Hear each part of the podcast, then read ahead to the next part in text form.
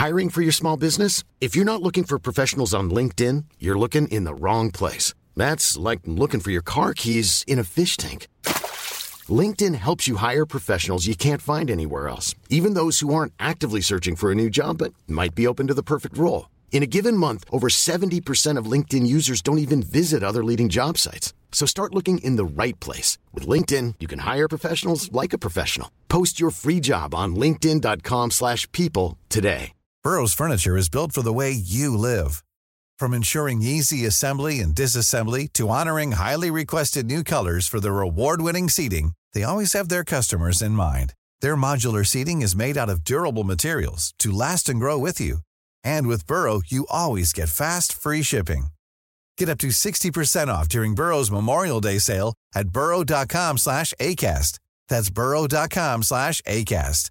burrow.com slash ACAST.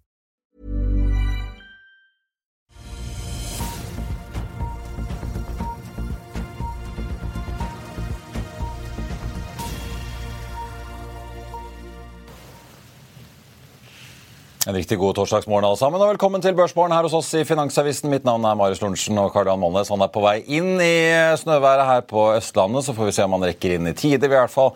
Direkte inn her fra Smestadammen i Oslo på en eh, dag der kalenderen altså viser 18. januar. Cognite sier til Reuters i Davos at de skal være cash-positive i år, men får Akers teknologisatsing til en IPO på Nasdaq-børsen senere i år. Oppdrettsgiganten Movi er ute med Q4-tall. Investor Christian Falnes mener prisen på fornybarselskapet BV Ideol er et ran og tar hele oppgjøret med BV Group til retten. Og så er børsfuturesen opp både i, si, for Norges del og Europas del, så det kan se ut som vi snur den røde rekken vi i hvert fall har sett her hjemme så langt denne uken. Og mens ratene har falt kraftig på VLGC-er i gassfrakt, så skal vi snakke om en annen type shipping i dag. Vi har fått med oss konsernsjefen i Klaveness Combination Carriers, Engebrett Dam, som er med oss om eh, litt. På kalenderen i dag så vil nok mange følge med på Paretos kraft- og fornybarkonferanse som skjer eh, nede i Oslo sentrum. I eurosonen får vi tall for nybilsalg i desember. På kvartalsrapportfronten så kommer American Airlines med tall. Vi får også ledighetstall på, altså jobless claims-tall på uh, førstegangssøkende på ledighetstrygd fra USA. Og Vi får også tall for boligbyggingen eh, på andre siden av dammen. Jeg nevnte futuresene som var ganske positive sammenlignet med hva vi har sett tidligere i uken.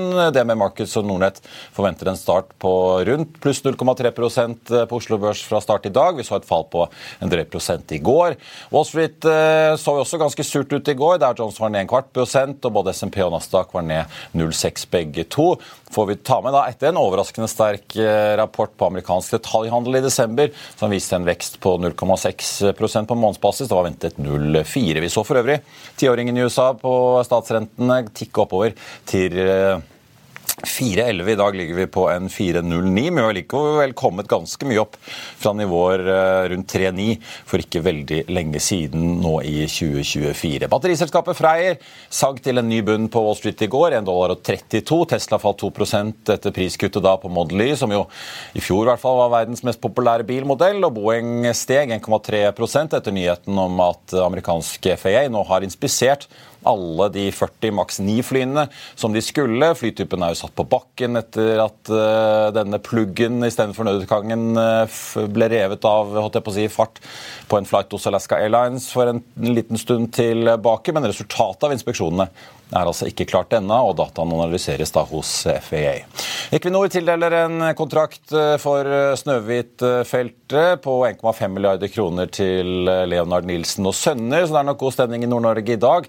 De har hovedkontor på Andøy i Nordland og estimerer at rundt 70 av kontraktsverdien da vil komme Nord-Norge til gode og skape rundt 200 årsverk. Og så er det da oppdrettsnæringen. Et par oppdateringer å ta med derfra i dag også. Movi fikk et operasjonelt driftsresultat da på 203 millioner millioner euro, melder de i fjerde kvartal, opp fra da det som var ventet på 195, ifølge estimater hentet inn av Infront. Slaktevolumet endte på 129 000. Det var ventet 100 og nesten 38, så det er litt svakere enn ventet. Selskapet selv har også guidet på nesten 139, så der kom man inn litt svakere. Vi så jo for, for øvrig også Grieg Seafood eh, slite litt tidligere i uken med sin rapport Oppdrettskostnaden endte på 5 euro og 58 eurosent per kilo i kvartalet. Og så er det Arctic Fish Holding. De hadde et slaktevolum på 2500 i fjerde kvartal. Det operasjonelle driftsresultatet endte på 4,2 eh, millioner euro. Så nevnte jeg jo gassfrakten. Vi har jo snakket eh, både med og om Avans Gass og BVLPG her i Børsmorgen tidligere. Nå har vi jo sett at VLGC-ratene faller eh, ganske mye. Som du kan lese på FA.no, så er ratene i spotmarkedet nå like lave som de bunnene vi så i tidlig 2023. Aksjekursene til de to er likevel kraftig opp det seneste året. Så man kan jo spørre seg da om det er en liten nedsiderisiko. Mer info finner du i hvert fall på fa.no. Vi skal ta inn dagens gjest og er tilbake rett etter dette.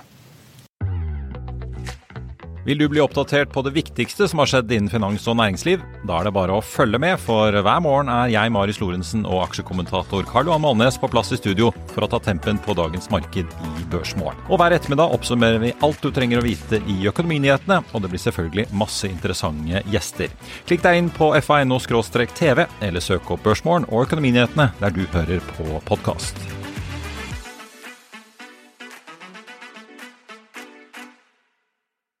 Da skal jeg eh, si god morgen og velkommen til dagens gjest. Engebret Dam, konsernsjef i Klaveness Combination eh, Carriers. Denne uken ute med en kvartalsoppdatering dere òg, selv om dere ikke er i sjømat. da. Hvor jeg ser at eh, det i hvert fall virker som ratene dere har fått, ligger et godt stykke over det dere selv guidet for. Vi kan komme tilbake til hvorfor det går bra i butikken om dagen. Men først, de som ikke kjenner til Klavenes Combination Carriers. Det ligger jo litt i navnet. Dere frakter jo, eller kan frakte ulike typer frakter på skipene deres. Fortell litt om hvordan dere er satt opp og hvordan disse skipene fungerer. Takk, Marius. Hyggelig å kunne være her. Vi, vi, driver og eier 16 kombinasjonsskip og har tre skip i ordre. Og dette skipet som både transporterer tørrbulklaster og tanklaster. Så både uh, petroleumsprodukter og Easy Chemicals. Ja, Du kan ta kull og den ene dagen og holdt på å si diesel den andre. ja. Og, og, og vår, vår forse er jo vår effektivitet. For vi kombinerer de standardlastene som produkttankskip og tørrbulkskip tar, med en betydelig mindre ballast, altså med betydelig mindre tid med utenlastemor. Så betyr jo selvfølgelig at vi transporterer mer last, flere dager inntjening. Vi kan spre fuelforbruket på flere tonn, og følgelig lavere utslipp. Så måtte, Det er litt drivkraften i det vi, eh, vi, har. I tillegg så har vi en måte vært mer fleksible. Når vi kommer inn i et lasteområde, så har vi mer valgmuligheter, mer opsjonalitet. Og med de ekstremt volatile markedene som er i shipping, så gir det verdien du optimaliserer drift og inntjening. Så i en veldig syklisk industri så selger dere dere inn som en litt mer stabil, ja. jevn aktør, da, på en ja. måte? Ja, det er klart at når du ser tørrbulk- og tankmarkedet beveger seg litt annerledes. Du så tank var veldig sterkt, har vært sterkt nå siden midten, våren, sommeren 2022. Tørrbulk var sterkt i 21 og første halvår 22. Og, og Ser du tilbake i tid, så er det veldig få perioder disse to markedene har vært høye eller veldig lave samtidig. Og Dette gir jo en risikoreduserende diversifiseringseffekt for en business som er i begge to ja. samtidig. Så, men uh, dere takker kanskje nei til de helt villeste inntjeningene som man kan få hvis man kan bare drive med tank uh, og de største volumene, eller? Men litt mer eh, stabilitet? Altså, Vi har jo mye kontraktsfart, så det er klart at vi, vi, vi skal jo måtte levere til kundene våre. og Det gir jo stabilitet også. Men vi er opportunister også, så vi forsøker jo hele tiden å få med oss det vi kan ut av markedene. Og klart Ser du hva vi tjener i forhold til f.eks. hva, hva Hafni har for tilsvarende skip, så ser du at selv på toppen av markedene så matcher vi egentlig det Hafnia gjør. Så ser du en, en driver med produkttank, ja. Og tilsvarende på tørrbulk. At vi, at vi da måtte kan matche standard tonnasje, tørrbulktonnasje på toppen av markedet. Men ser du over, over tid, så er vi kanskje 30-40% høyere inntjening over tid enn standardtonnasjen, fordi du drar nytte av, av flere topper enn en, en, en standardtonnasje. Og så utnytter dere vel litt ujevnheter i vareflyten her i verden, og selv om det, gjør vi. det kanskje ikke er havn til havn at dere bare kan uh, gå tørrlast den ene veien og holdt jeg på å si diesel eller olje tilbake, så kan dere kanskje stoppe litt sånn delvis på vei tilbake med en liten omvei og få med last andre veien igjen? da? Absolutt. for Du ser en standard tank- og tørrbulkskip mellom 40-50% av tiden uten last om bord. Vi har i overkant av 10 uten last om bord. Og Det er klart det er en ufattelig viktig driver for både inntjening og stabilitet i inntjening. Hvor mye eh, kost er det knyttet til eh, For jeg antar jo de skipene må jo koste litt mer når du kan gjøre mer? Ja, det, varierer litt fra marked til marked. ikke sant? Ja. Når vi kontraherte disse clean-bunnene, så var det kanskje en 5-10 dyrere. I dag vil det nok være kanskje 20% dyrere. 15-20% i dagens marked. Eh, og så har vi marginalt høyere OPEX. Ja. for å si litt om det da, Når dere da skal bytte om, er det da Må vasketime inn og rengjøre Nei, nei, vi, man, Båten er bygget for en effektiv vasking. Ja. Så klart at Det er nøkkelen at vi kan skifte mellom tørrbulk og tank uten at, eh, at det er residualer i, i, last, i neste last. Eh, og, og det tar, eh, Der bruker vi våre egne mannskaper, og da båtene er spesiallaget for dette. Og så, eh, selvfølgelig bruker vi noen dager på å gjøre den rengjøringen. Som er en måte investeringen vi i hovedsak bruker. da. Ja, så det er Den differansen må du jo Nå har vi fått Karl Johan inn i studio, her, så nå skal han bare få på seg mikrofonen. Så er han klar etter å ha hatt en eh, Vi hadde en tøff tur nemlig på E18 hjem fra Sandefjord i går, Karl Johan. God morgen. eh, Men jeg skjønner du har hatt en tøff eh, tur opp fra Jeløya i dag. Eh, Men jeg får si det, det er jo den dere må regne hjem. da, den, eh, For én ting er jo selve investeringen i skipet, men dere må jo da også regne hjem denne drifts... eh, Altså den ekstra driftskostnaden, hvis vi kan kalle det, da, på den turnoveren. Og Derfor så har vi Skipene går i mye lange distanser, som nettopp hvor du kan fordele den investeringen i tid på rengjøring på en lengre reise. Ja. Eh, Si litt nå, for jeg nevnte jo at eh, dere leverte jo bedre enn dere selv guidet. Eh, Kan du ta oss litt gjennom de ulike tallene og hvorfor dere bommet da på en positiv måte? Ja, altså Vi endte jo opp med en, en time charter ekvivalentinntjening på 36 800 dollar per dag i fjerde kvartal. Og det ligger da en siden 2300 dollar dagen over kallet end range, top range, på, på den guidede inntjeningen. Og Grunnen var i hovedsak at tankmarkedet kom sterkere på slutten av året enn det vi hadde forutsatt når vi ga guidingen tilbake i november. Ja. Så vi, vi har, har greid stort sett å treffe rimelig bra. Denne gangen så ble vi, gikk det mye bedre enn vi eh, trodde. Og det er jo selvfølgelig veldig hyggelig. Men hva, hva er det som driver det etter deres vurdering? da? Er det uroen i Midtøsten og nå Altså, det, er jo klart, Dødehavet, eller er det det er jo sesongmessig selvfølgelig en sterk periode i fjerde kvartal. Og så kom vel disse tingene, uroen i Rødehavet, kanskje kom i tillegg. Så, eh, og så hadde vi skip på riktig plass Ja. når markedet kom. Sånn som US Gulf-markedet for produkttank var utrolig sterkt både i november og desember. Og da hadde vi flere skip posisjonert akkurat der. Og Da var vi heldige og fikk med oss den ekstreme oppgangen som var i ett regionalt marked, mens snittmarkedet kanskje økte mindre enn det vi Og det er jo det som er kan du si, i, disse volatile tank- og tørrbulkmarkedene, det er jo store regionale forskjeller hvordan markedene går. Så her hadde vi vi har en policy å prøve å være diversifisert og ha båter i forskjellige regioner. Denne gangen hadde vi litt ekstra flaks òg, må jeg kunne si. Og dere gjør som eh, Shell annonserte tidligere i uken, og holdt jeg på å si de fleste andre har annonsert tidligere. og Dere skriver at dere også styrer unna Rødehavet nå. Også i overskuelig fremtid, som eh, Mersk så pent eh, formulerte det? Eller? Ja, altså, vi, vi har vært, altså, klart vi har jo spesialmannskap. Altså, vi, har, vi, vi trener og, og, og sourcer selv. Eh, Så Vi er jo veldig opptatt av å beholde disse, og sikkerhet er selvfølgelig topp. Så vi allerede før jul gikk ut til våre kunder og sa veldig klart at vi vurderer den risikosituasjonen, at det er en eskalerende situasjon. Vi kommer ikke til å gå gjennom Rødehavet inntil dette forbedrer seg. Og Så har dette eskalert og blitt enda mer ekstremt nå de siste ukene. Så, så det betyr at nå ser vi at, vi at de båtene vi har i den farten, går rundt Cape. Ja. Og det er jo liksom en 40% flere antall dager enn å gå gjennom eh, Suez. Så det er klart at det der er jo eh, For oss inntjeningsmessig er det nøytralt. Men klart for, for markedet indirekte vil jo dette ha en, en, en, en effekt eh, hvis dette vedvarer. Men ja, hvorfor er det nøytralt? Er det fordi at dere må dele Nei, akkurat der, så typisk kunne, sånn som markedet nå, så vil egentlig kundene måtte betale opp for å dekke Det er kunder som må dekke den ekstra kosten både i, brensel og i dager Ja. ved at man devierer. Eh, og eh, eh, så, så Derfor så er det kunden som har det som en ekstra fraktkostnad, og vi, alt annet like, vil da være nøytral. Og så kan du få den effekten av et sterkere marked, som da måtte, vil selvfølgelig være positivt. Ja, for jeg tenkte, hvis Du, du går jo tross alt av flere dager med last eh, i utgangspunktet, vil jeg jo tro. da, Så burde ikke inntjeningen egentlig da øke litt?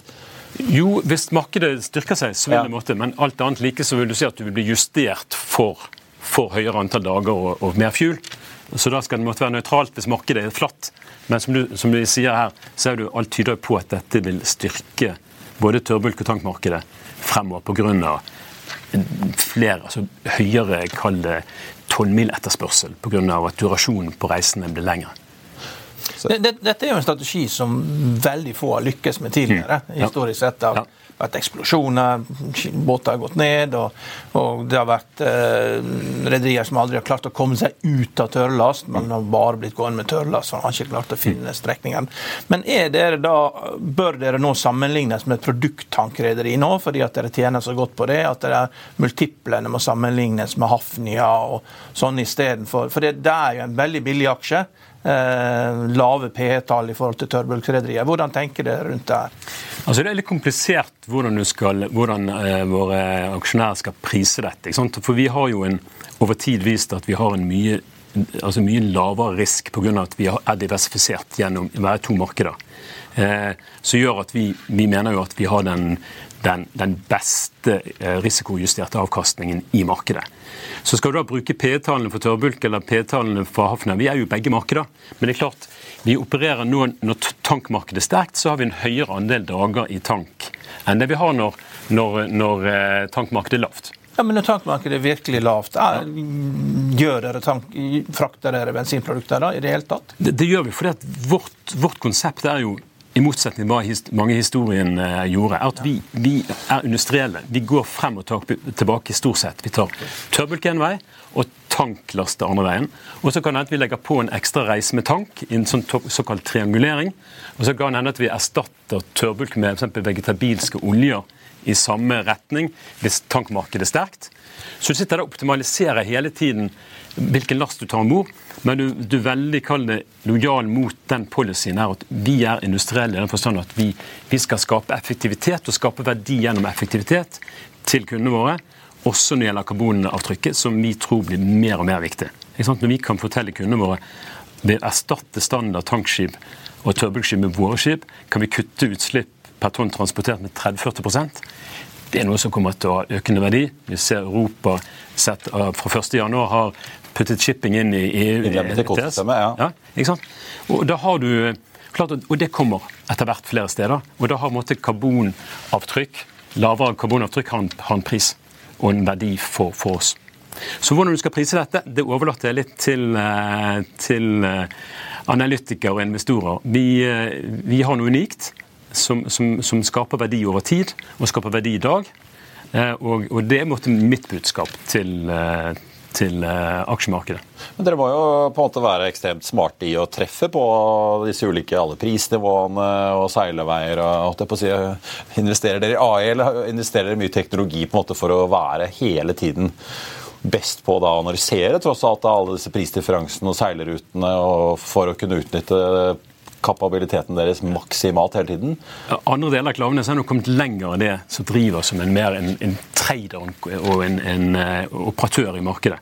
Vi, vi bruker, har selvfølgelig gode systemer, god markedstilgang. Vi har, vi har, flere befraktere per skip, for det er mer krevende å, å gjøre disse optimaliseringene. Men, men, stort sett akkurat nå så er det et gode hoder mer enn AI som, som styrer butikken. Men, men kan hende det kommer. Vi, vi er jo som hus Klaveness-systemet bruker veldig mye tid på digitalisering og teknologi, inkludert AI. Og søsterselskapet driver nettopp med trading basert på AI.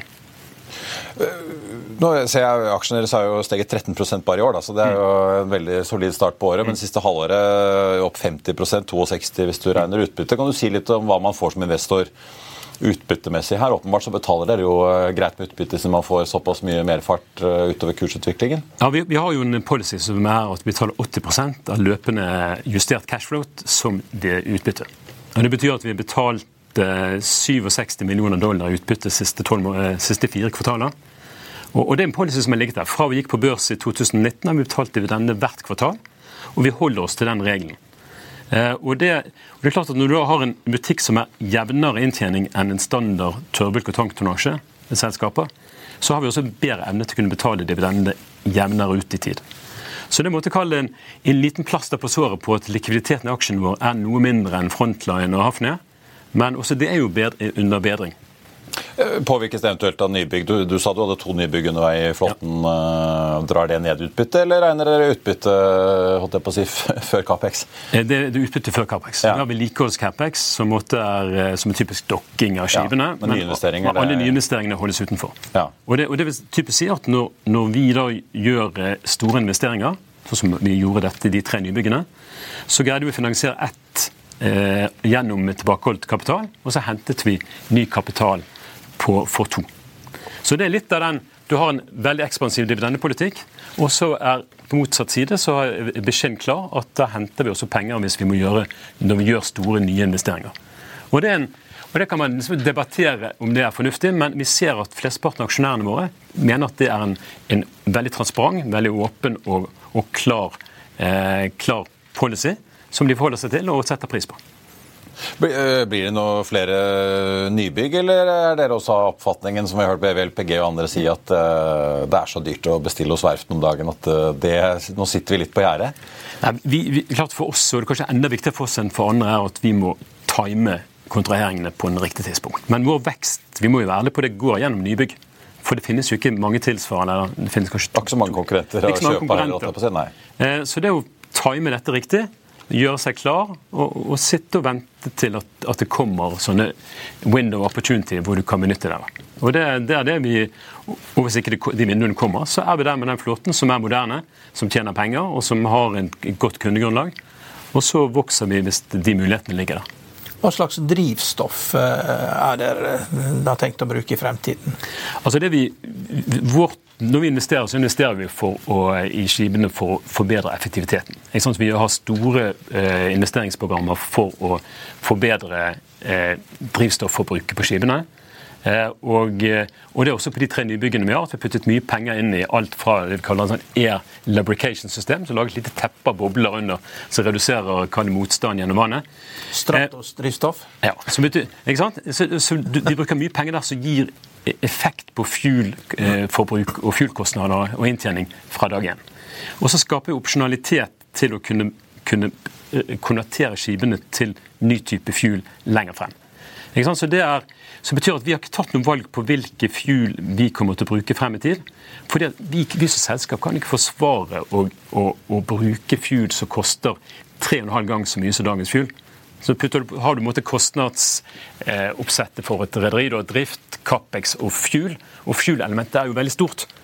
Så, så, så, vi gjør oss klar. Vi skaper opsjonalitet når vi bygger eh, nye skip for det som kommer. Men, men, det er ikke bærekraftig økonomisk å ta steget fullt ut.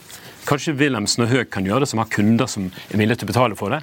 Ja, for det skulle til å si, vet jo Flyselskapene sliter med å få kundene frivillig til å bestille holdt jeg på å si, klimakvoter eller sånn kompensasjon eh, uten at bedriften jobber i, tvinger dem til det. Ja. Dere har heller ikke noen kunder som frivillig blar opp altså, de påslagene der? Vi har jo begynt å jobbe med, altså vi jobber på, på bærekraft og jobber på tvers av alt vi gjør. Vi har, en, vi har satt i gang en kontrakt hvor, hvor kunden faktisk betaler frakt avhengig litt av hvordan vår, vår utslippsperformance er. Så det er jo første steg. Men, men, de tar nok ikke så langt at de er villige til å betale for, for en fuel som er tre til fire ganger høyere. Og ser du på, ellers på hele vår kundebase, så er det ingen andre som er villige til å gjøre det. Eh, og det er heller ikke internasjonale reguleringer som gir en forutsigbarhet eller gir et insentiv til å bruke fuel, og som, som måtte redusere den differansen mellom dagens fuel og fremtidig fuel. EUs kvotesystem som dere kommer inn i nå, det, det er ikke nok, det? Nei, det hjelper litt, ja. men, men ikke nok. Og, uh, Kvoteprisen har jo kommet ned òg, ja. ironisk nok, uh, den siste tiden. Så. Så, så. for oss er det en måte kalle, det vi kaller, vi kaller det lønnsom dekarbonisering. Ja. Det vil si vi, vi kutter utslipp gjennom effektivitet. Den, det måtte kalle vår kalle trading-effektivitet gjennom at vi kombinerer laster. Det er investering i skipene for å gjøre de mer effektive. Og da, da kommer vi et godt stykke på vei, og det er lønnsomt. Men Den tradisjonelle produkttanktreden mellom eh, Europa og USA har jo vært bensin til USA og diesel tilbake. Ja. Eh, nå bruker vi jo mindre diesel i Europa. Merker mm. dere noe av forbruksendring? Merker dere noe endring i etterspørselen etter last pga. dette? her? Det er klart det er jo litt, Akkurat i Europa er jo litt også selvfølgelig lavere økonomisk vekst, som reduserer forbruk. Men, men når det gjelder vår, våre trades, så typisk vi opererer jo trades hvor produkttankbåtene går inn med last, og så går de tomt tilbake. Så akkurat det Atlanterhavsmarkedet er liksom ikke et marked vi er veldig mye inne i, for nettopp fordi at vår konkurransefordel får vi ikke ut av det markedet. Så vi søker markedet der hvor vi har en, et fortrinn med å kunne ta eh, last begge veier. og Det er typisk Syd-Amerika. Det kan være US East Coast fra andre, andre sourcer, og fra Australia og Syd-Amerika. Eh, Syd-Afrika. Så det er en måte å kalle det vår, vår, Våre konsepter skaper verdi i noen geografiske områder, og det er mange av de. Eh, og det er der vi, vi det er, det er, jo det samme som Høg og Wilhelmsen, at de er veldig gode på nord-sør-strekninger, mens eh, andre større rederier tar seg av øst-vest og større volumer. Ja, du du, du, må, finne ut hvor du har konkurransefordelen, og, og, og, og bruke den riktig. Ja. Vi må snakke litt om markedsutsikt nå. da, for Dere skriver jo at uh, Rødehavet regner dere ikke med vil egentlig gi så store finansielle utslag uh, for dere. Blir dere rammet av Panamakanalen og vannmangelen der? Ja, Det er jo litt morsomt å tenke på at, at det som skjer nå i Panama, er jo liksom det første gangen du ser at liksom klimaendringene slår ut direkte på shipping. Mm. Og, eh, og, eh, og, og, der er det, altså, I hovedsak er det indirekte effekter. For våre, både, altså, våre hovedtrades er i begrenset grad gjennom Panama. Men det er klart det er jo igjen liksom, det, er jo kanskje 30% lengre reise hvis du tar Europa rundt Kapp Horn til US, US West Coast. Så det er lange ekstra distanser som selvfølgelig hvis dette vedvarer, vil, vil ha effekt på markedene. Og så får du disse indirekte effektene. Det gjør kosten, ja. ja som gjør at, at, du får en, en, et sterkere marked. Som igjen slår ut på oss, gitt vi har kontraktsdekning, men vi har en veldig høy andel eh, som er måte, på indekskontrakter. Som er måte, såkalt flytende kontrakter, hvor vi tjener, vår inntjening står i forhold til hvor spotmarkedet er. Jeg merker meg Dere skriver, eller virker i hvert fall som dere mener at tørrlastmarkedet har kommet litt opp øh, nå utover høsten og inn i det nye året. Hvordan ser ting ut fremover da, nå inn i et nytt år? Det er klart at, at Normalt sett så skal jo måtte Q1 være det sesongmessig svakere. For du har kinesisk nyttår som kommer nå i februar. Eh, og, eh, og så er det selvfølgelig den situasjonen vi ser i, i Panama og, og, Suez, som selvfølgelig skal motvirke litt det. Eh, ellers så er vel Eh, det, det, er lav flåtevekst i tørrbulk og veldig lav ordrebok. Eh, og så, så er jo måte det, det er jo Kina som er måte det, nøkkelen for tørrbulkmarkedet. Og Der var det noen positive tegn på jernmalm på slutten av året. Og så er det da spørsmålet hvordan, hvordan går dette videre med kinesisk økonomi. Magnus, det, Magnus Halvorsen var her i fjor og mente at eh, det går bedre i Kina enn det det ser ut som fra utsiden. Ja da, det var analytikere også mange positive ting. Men det er klart vi, du skal helst se det på volumene. Så vi er optimister. Men vi, fall inntil det som skjedde, skjedde nå i Suez, så har vi vært tenkt at 2024 det i alle fall, Kanskje vi må vente til slutten av året for å få noe fart. Ja. Og Så kan det hende at dette som skjer i Suez og Panama, endrer bildet. Mens produkttank er vi der, vi der, ser vi ikke mange mørke skyer akkurat nå. Fortsatt good times? Ja. ja. ja det må det vel bra for både dere og Hafnia, det? Ja, det, det skal det være. Og de andre i Ryan Reynolds here from Mint Mobile.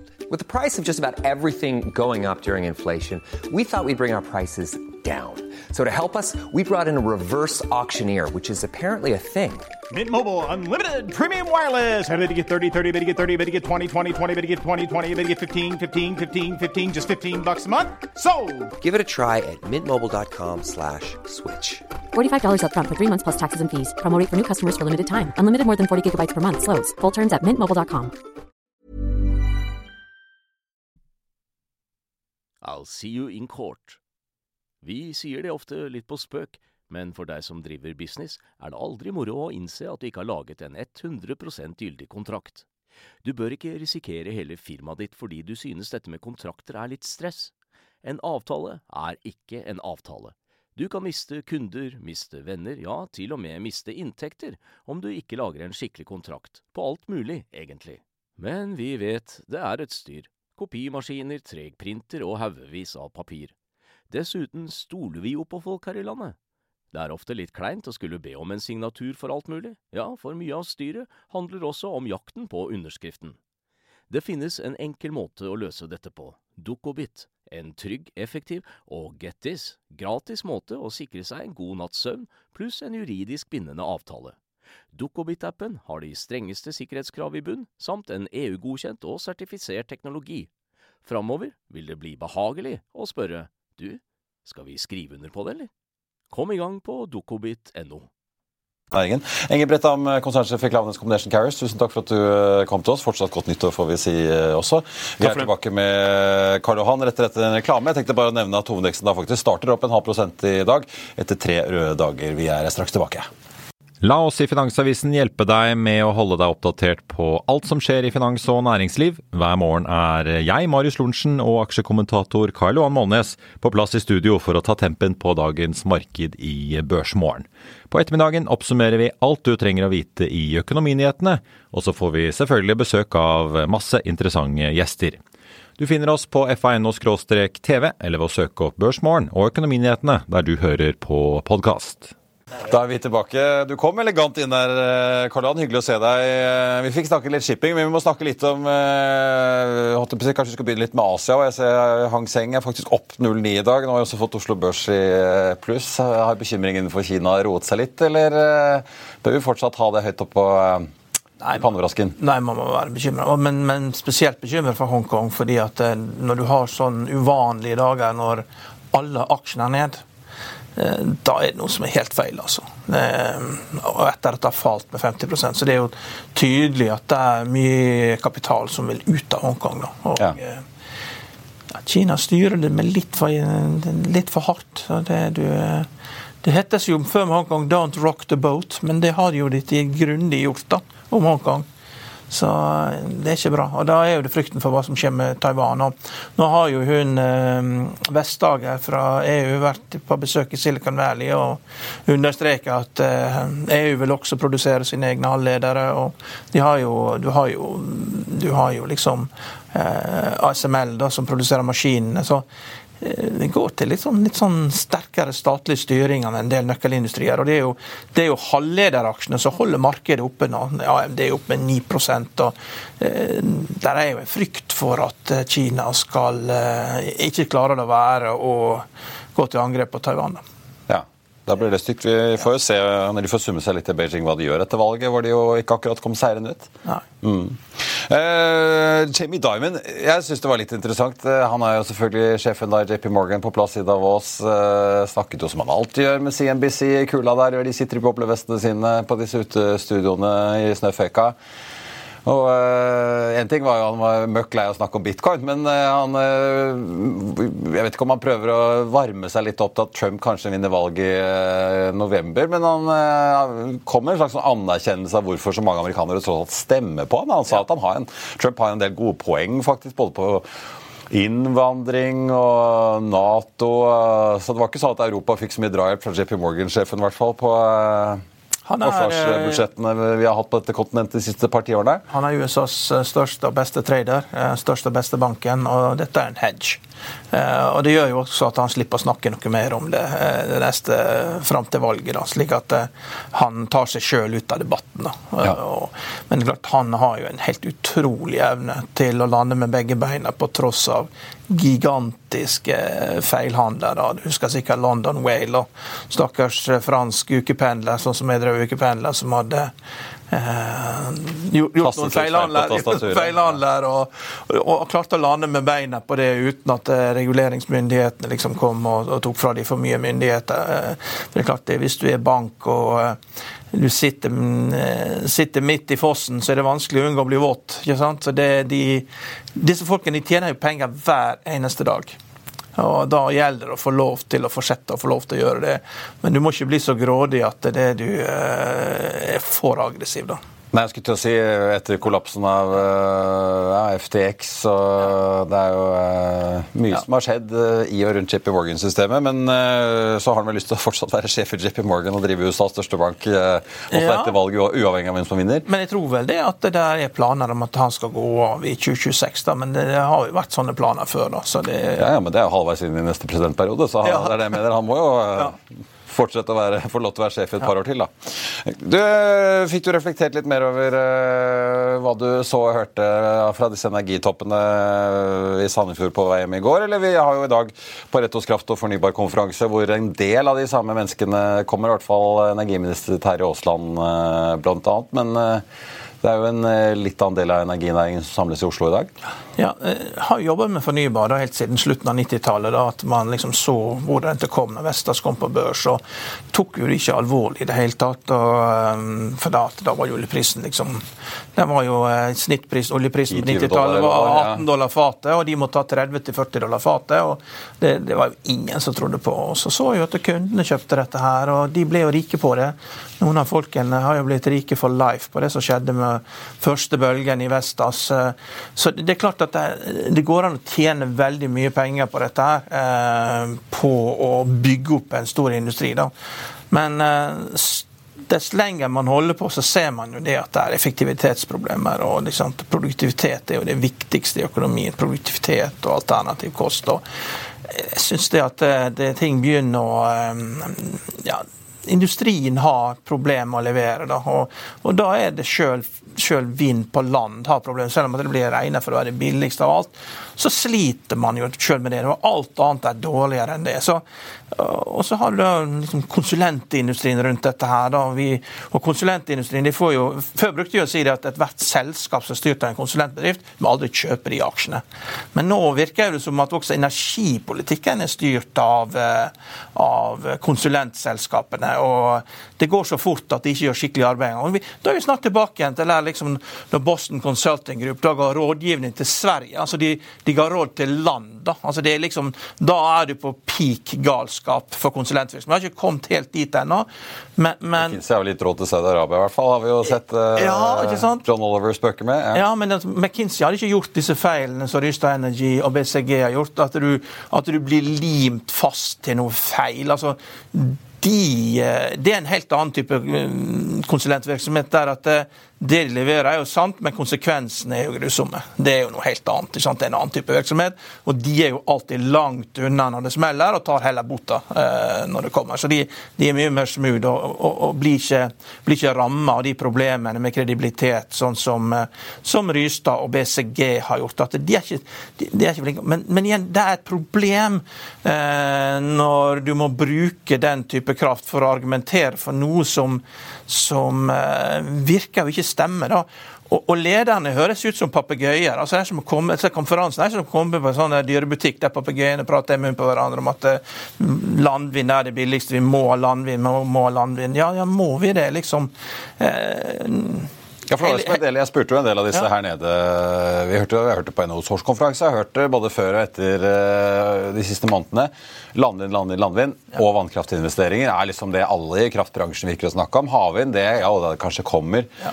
men det ligger langt frem i tid. I oljenæringen er de jo opptatt av havvind, men de har jo masse elektrifisering de gjerne skulle gjort for 2030, for da har de disse politikerkravene om utslippskutt som uh, møter dem. Men det er jo slående når du snakker med folk i næringen. Folk er så jo, vi håper jo at vi skal klare å finne frem til modeller som kan få dette til å gå rundt. men Foreløpig er virker det jo som det er veldig få som ser liksom reelle, konkrete prosjektmuligheter som man kan få klarert oppover i systemet med rimelige lønnsomhetstall. altså.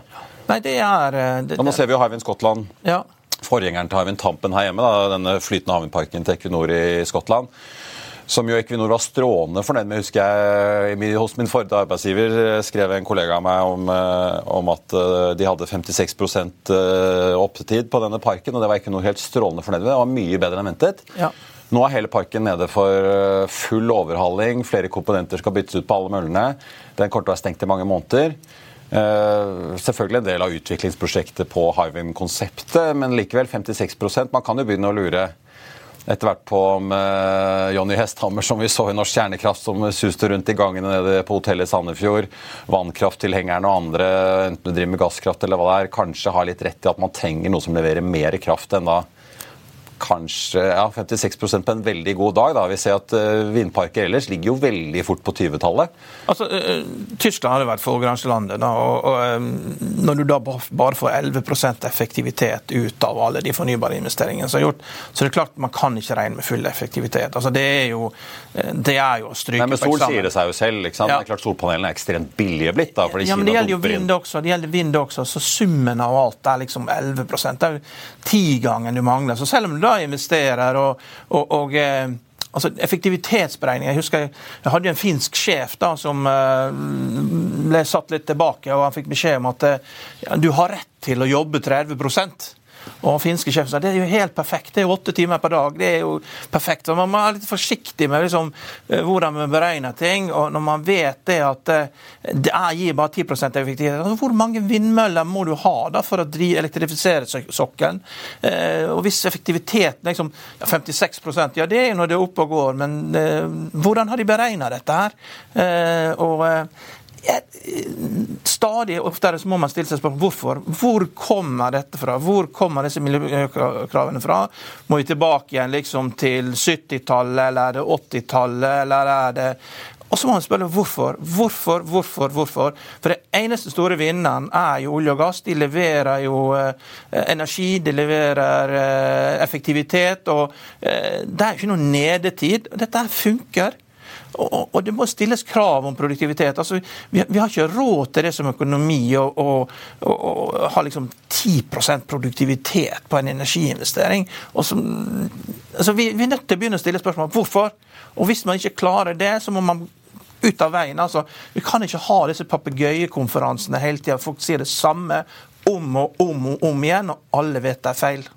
Det, det, var vel en erkjennelse på den politikerdebatten på tampen av konferansen i går om at uh, vi må elektrifisere, for da kan vi levere olje og gass så lenge vi bare orker. Og Du traff jo ja, på noen ja. uh, på geologer du, som sa at norsk sokkel inneholder så mye at vi, bare, vi kan bare fortsette å lete og lete. og lete. Ja, og, og, og, han Geologen sier jo det at det er jo rart at det ikke er liksom geologer blant disse klimagruppene. Da. Vi, og da er vi tilbake til hva slags mil, ikke sant, igjen, som jeg har snakka om før.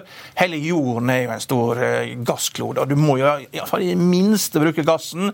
og der er jo en viss uh, Jeg hørte jo det i panel at det, det er en viss sånn at det, selv Lars uh, Haltbrekken. Haltbrekken. Ja, jeg skulle til å si Håndbrekken, men det er jo ikke det han heter. Uh, indikerer jo at, at vi, vi, hvis vi bare bruker gassen, så kan vi la oljen ligge. Og selv han begynner å skjønne at det er en mulighet. Ja, da har vi kommet langt, altså. Da har vi kommet langt.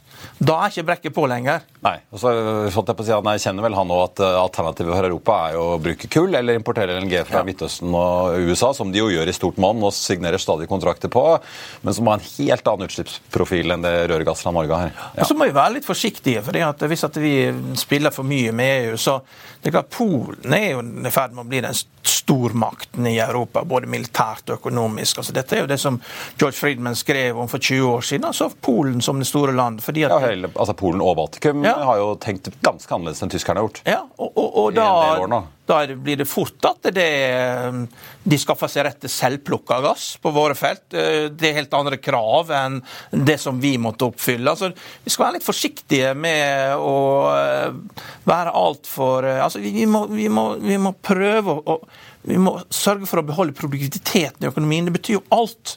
Altså, befolkningsvekst og produktivitet det er jo de to faktorene som skaper økonomisk vekst. Og Tar du fullstendig vekk produktiviteten, vel, så, så blir jo Europa rett og slett bare et feriested. Og Da må du passe på å reise til de stedene det er god mat og, bra vær. og Det er ikke alle plassene det er heller. Men det er ikke rart det blir avindustrialisert når USA har alle de, den billige energien, og, og vi en, en gang vil ikke bruke olje og gass. Så det vi, vi må virkelig tenke oss nøye om her altså nå, fordi at eh, ja, dette, dette, kan ikke fortsette sånn. Og kanskje begynne å tenke at uh, Europa er ikke Europa. At det er litt forskjellige lag nedover Europa, så man må kanskje tenke litt hvem man har lyst til å være mest alliert med. Jeg vet ikke. Ja, ja. Vi får se. Takk skal du ha, Karl-Ann. Vi ses i uh, morgen, vi. På hovedindeksen så, så, ligger vi nå på faktisk 0,3 så vi har uh, mistet litt av høyden vi hadde fra start, men likevel uh, sett å bli en hyggelig børsdag likevel. Selv om Equinor er noe ned fra start. Oljeprisen ligger på 78,19 har kommet opp fra 77-tallet i går. Movi ser ut til å få en veldig hyggelig dag med en oppgang på 4 Sjømatindeksen opp 2,7.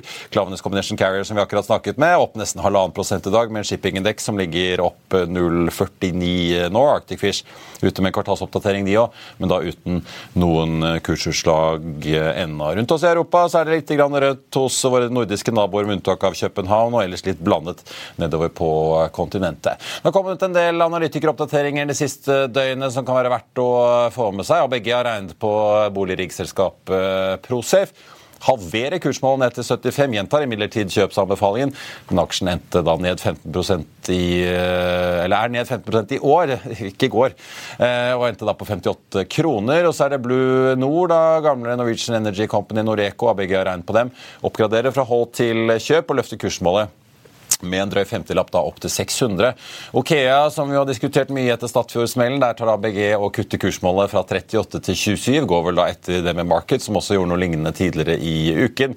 Og da gjentar sin holdanbefaling ABG der, altså. Telenor, der har City nå oppgradert fra hold til kjøp og løfter kursmålet fra 121 til 145 kroner. Til slutt tenkte jeg å nevne Tomra.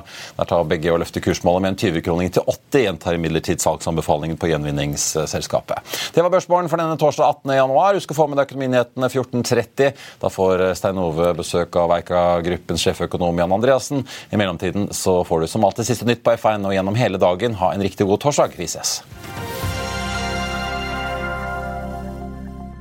Økonominyhetene er en podkast fra Finansavisen. Programledere er Marius Lorentzen, Stein Ove Haugen og Benedikte Storm Bamvik. Produsenter er Lars Brenden Skram og Bashar Johar. Og ansvarlig redaktør er Trygve Hegnar.